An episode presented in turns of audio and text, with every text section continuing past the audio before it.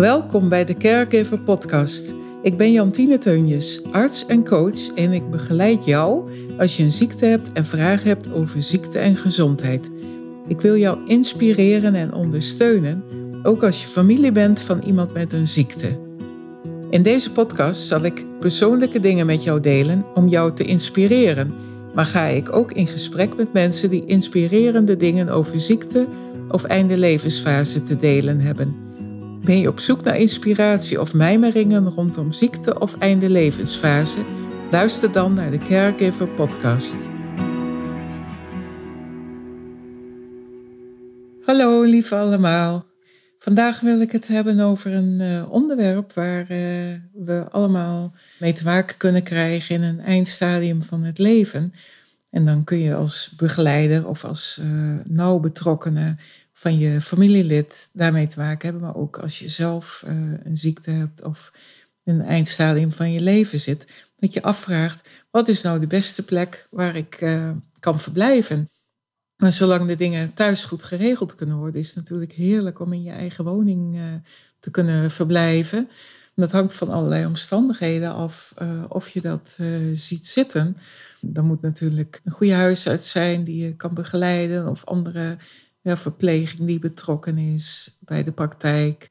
Of uh, eventueel een andere thuiszorgorganisatie of organisatie die dingen voor je kan regelen qua medicatie en dergelijke. Dat is dan wel heel fijn, een belangrijke voorwaarde. En zo zijn er ook wel instanties hoor, die uh, dat soort uh, trajecten kunnen begeleiden, waardoor je zo lang mogelijk in je thuissituatie kunt blijven. Dus dat is eigenlijk wel het meest ideaal, omdat je normaal gesproken nog het liefst in je eigen woning bent. Dat zal toch uh, bij de meeste mensen wel zo zijn. Nou, er zijn natuurlijk omstandigheden waardoor het niet zo uh, ideaal is om uh, in je eigen thuissituatie te verblijven. Er zijn allerlei redenen voor. Dat je toch wilt dat er meer bovenop gezeten wordt, figuurlijk gezien dan. Hè? Dat mensen je meer in de gaten kunnen houden. Nog meer dan dat ook kan in een thuissituatie met een uh, speciale betrokken organisatie. En uh, ja, dan zijn er mogelijkheden. En ik had zoiets van, ik zet even op een rij, want er zijn best wel eens vragen over van ja, wat is nou eigenlijk het verschil tussen bijvoorbeeld een zorghotel of een hospice of een verpleeghuis of een verzorgingshuis. Nou, laat ik beginnen met uh, verzorgingshuis. Verzorgingshuis, dat is eigenlijk een instelling die wat minder zwaar is dan een verpleeghuis qua zorg.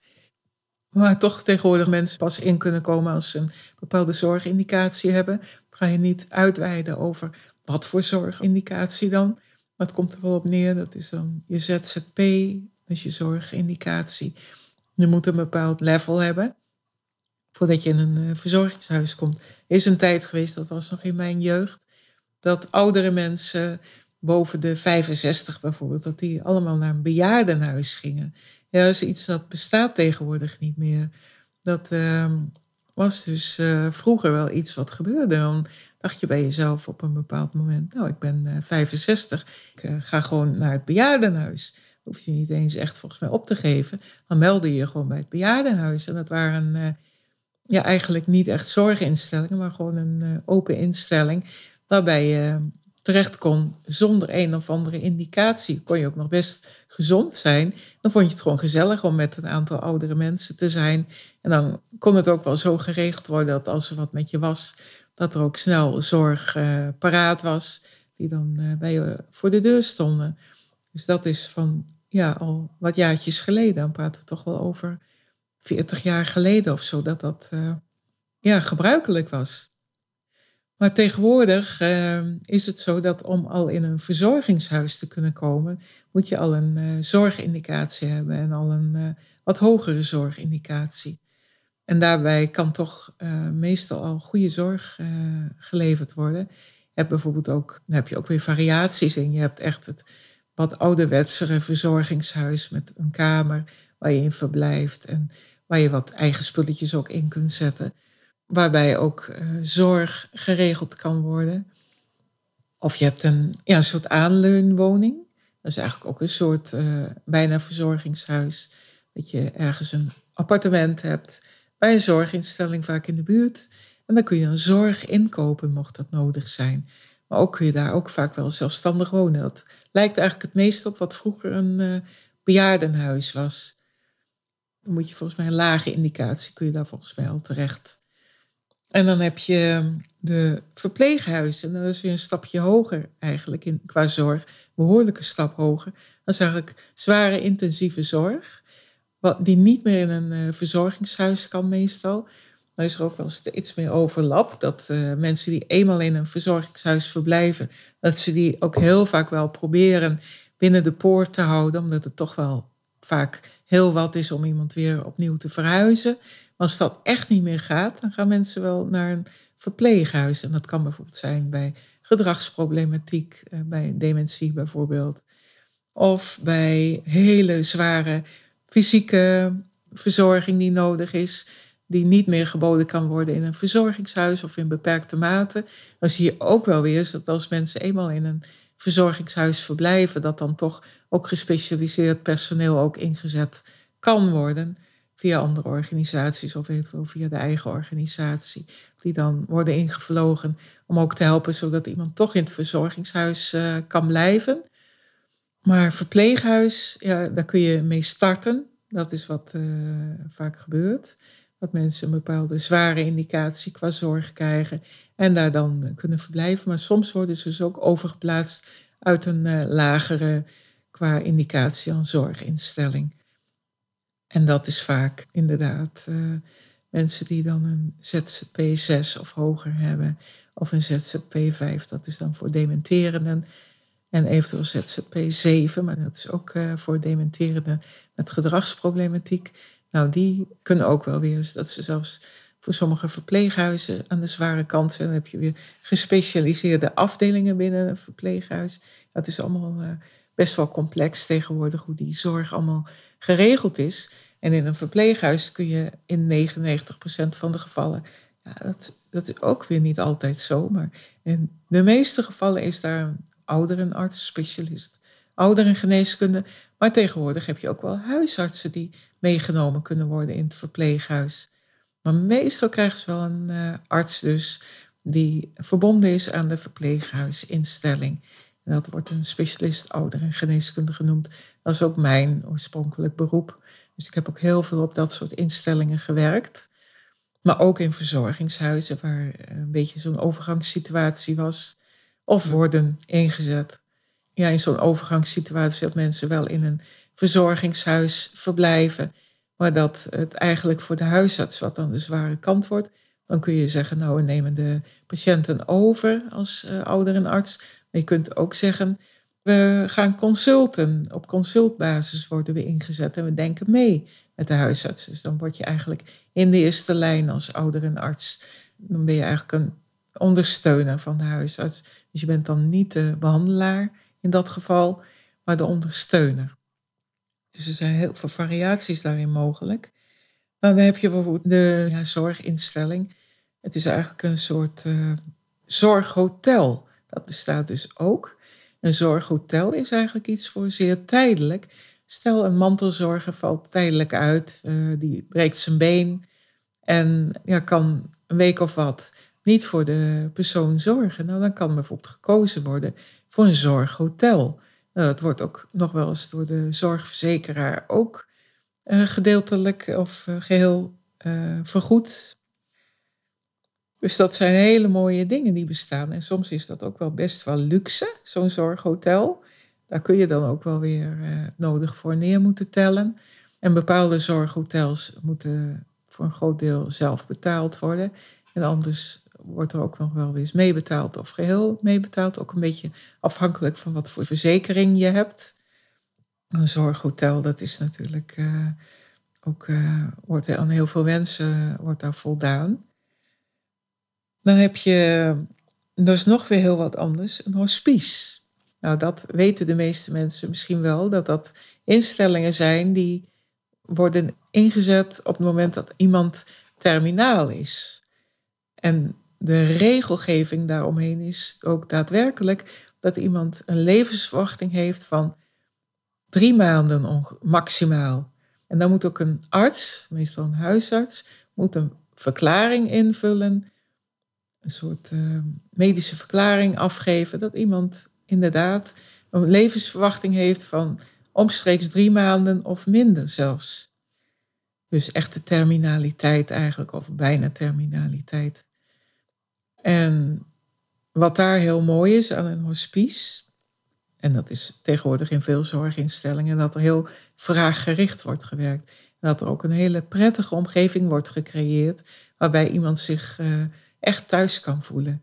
Dat iemand, uh, dat is met name voor mensen die in een thuissituatie niet meer dat allemaal geregeld krijgen of niet een organisatie meekrijgen die voor ze kan zorgen. het gaat echt niet meer voor de mantelzorger. Of er is helemaal geen mantelzorger, dat kan natuurlijk ook. dan is het ideaal als er een uh, hospice uh, voorhanden is. Nou, in veel gevallen wordt dat ook uh, vergoed of, of een groot deel of gedeeltelijk door de zorgverzekeraar.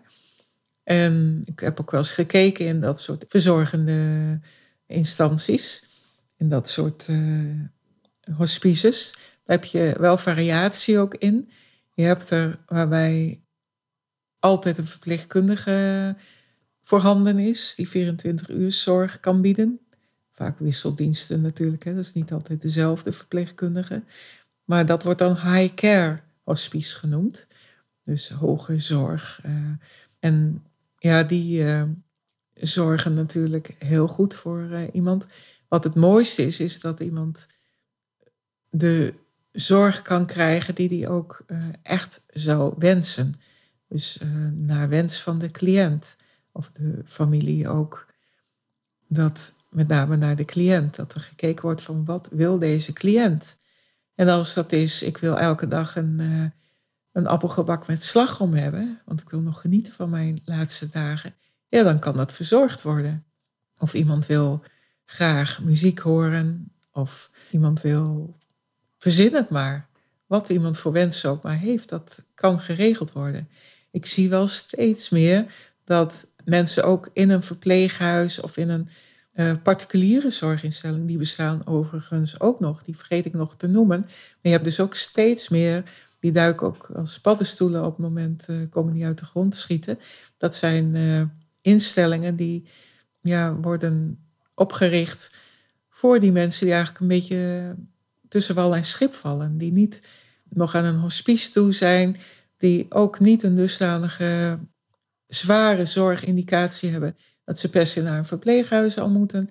Of die een bepaalde vorm van dementie hebben die nog niet zo zwaar is dat het onhandelbaar is, maar wel zwaar genoeg is om niet meer thuis te kunnen. Ja, dan is het uh, ideaal dat die instellingen ook uit de grond schieten. Dat is hartstikke mooi. Ik heb daar ook gewerkt heb daar uh, ja, eigenlijk in de eerste lijn gewerkt. Dat wordt beschouwd als thuiswonen. Het is in feite niet meer thuiswonen, maar het is eigenlijk, eh, valt het onder thuiszorg. En in die zin kan er ook heel veel moois geboden worden. Nou ja, ik kan plenty voorbeelden noemen van mensen. Ehm, het is misschien ook wel leuk om even nog een paar semi-persoonlijke dingen hierin te delen.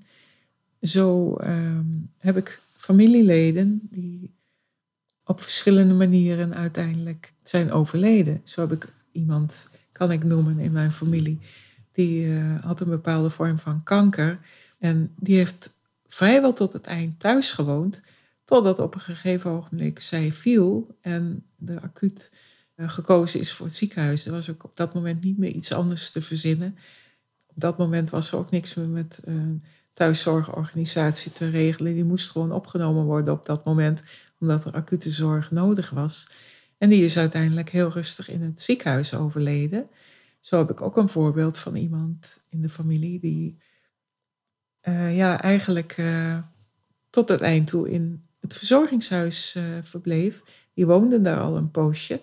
En die werd heel slecht. Die kreeg in één keer te horen van, nou, je hebt een acute diagnose, ook kanker. En je hebt nog maar een paar dagen te leven. Die heeft er zelf ook nog voor kunnen kiezen. Ik wil graag in het verzorgingshuis met mijn partner. Wil ik uh, sterven, als ik dan inderdaad nog maar een paar dagen heb. En toen kon er nog gelukkig geregeld worden dat daar de medicatie goed geregeld kon worden, waardoor in alle rust ja, een overlijden was, waarbij ook familie aanwezig was, wat heel prettig was.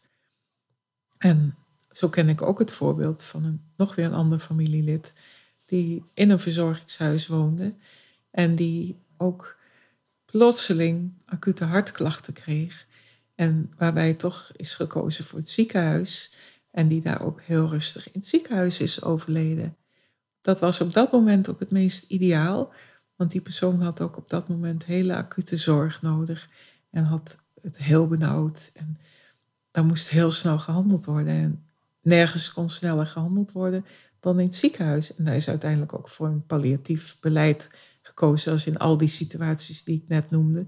Dus in alle drie de situaties is gekozen voor een palliatief beleid. Nou, een palliatief beleid staat eigenlijk voor geen curatieve interventies meer. Nou, curatieve interventies, dat is een medische term. Dat betekent dat je op dat moment curatief wil zeggen dat er nog alles uit de kast gehaald wordt. Nou, dat, daar werd dus niet meer voor gekozen. Palliatief betekent letterlijk verzachten. Dus je zorgt ervoor dat iemand niet meer hoeft te lijden. Dat er medicijnen worden gegeven, zoals bijvoorbeeld morfine en of dormicum, of alleen dormicum, of alleen morfine, of een combinatie van beiden, of nog andere medicatie daarbij, waardoor niet meer geleden hoeft te worden, waardoor eigenlijk een zo zacht mogelijke dood mogelijk is. dat is geen euthanasie, hè? even voor alle duidelijkheid. Euthanasie is een totaal ander verhaal. En ook daar ga ik het nog een keertje over hebben in een podcast, wat dat nou eigenlijk is. We hebben bijvoorbeeld ook palliatieve sedatie. Nou, ik wil heel graag in een volgende podcast uitleggen wat het verschil is tussen euthanasie en palliatieve sedatie. Dat is echt wel een mega groot verschil. Ik wil het hierbij nu even laten in deze podcast. Ik hoop dat jullie het een eh, interessante podcast vonden. Ik vond het heel leuk om dit te delen, om hier wat meer over te vertellen. En als er nog vragen zijn, stuur me een DM of kan op allerlei manieren. Ik ben op meerdere manieren bereikbaar. Via Facebook uh, Messenger of via Instagram een uh, berichtje, een uh, DM'tje. Of, nou ja, er zijn meerdere mogelijkheden in elk geval om mij een berichtje te sturen of mijn aandacht te vragen. Mocht je nou echt nog andere duidelijke vragen hebben, dan zijn er ook allerlei mogelijkheden om mij nog te vinden via bijvoorbeeld mijn ja, kosteloze Facebookgroep en uiteraard via mijn persoonlijke site. Hierbij laat ik het dan even. Hartelijke groeten en een hele fijne dag. Tot de volgende keer. Hierbij zijn we aan het einde gekomen van deze aflevering van de Caregiver Podcast. Ik wil jou bedanken voor je aandacht. Ik hoop dat je met plezier hebt geluisterd. Als je het fijn vond om te luisteren of deze aflevering inspirerend vond, zou ik het heel erg op prijs stellen als je dan een review achterlaat op iTunes of de Apple Podcast app. Zo wordt de podcast door andere mensen nog beter gevonden. Deel de podcast in je netwerk of stuur hem door naar iemand die dit mogelijk interessant vindt. Verder wil ik jou naar mijn gratis Facebookgroep verwijzen, waarin ik jou nog meer kan inspireren. Over twee weken is er weer een nieuwe aflevering.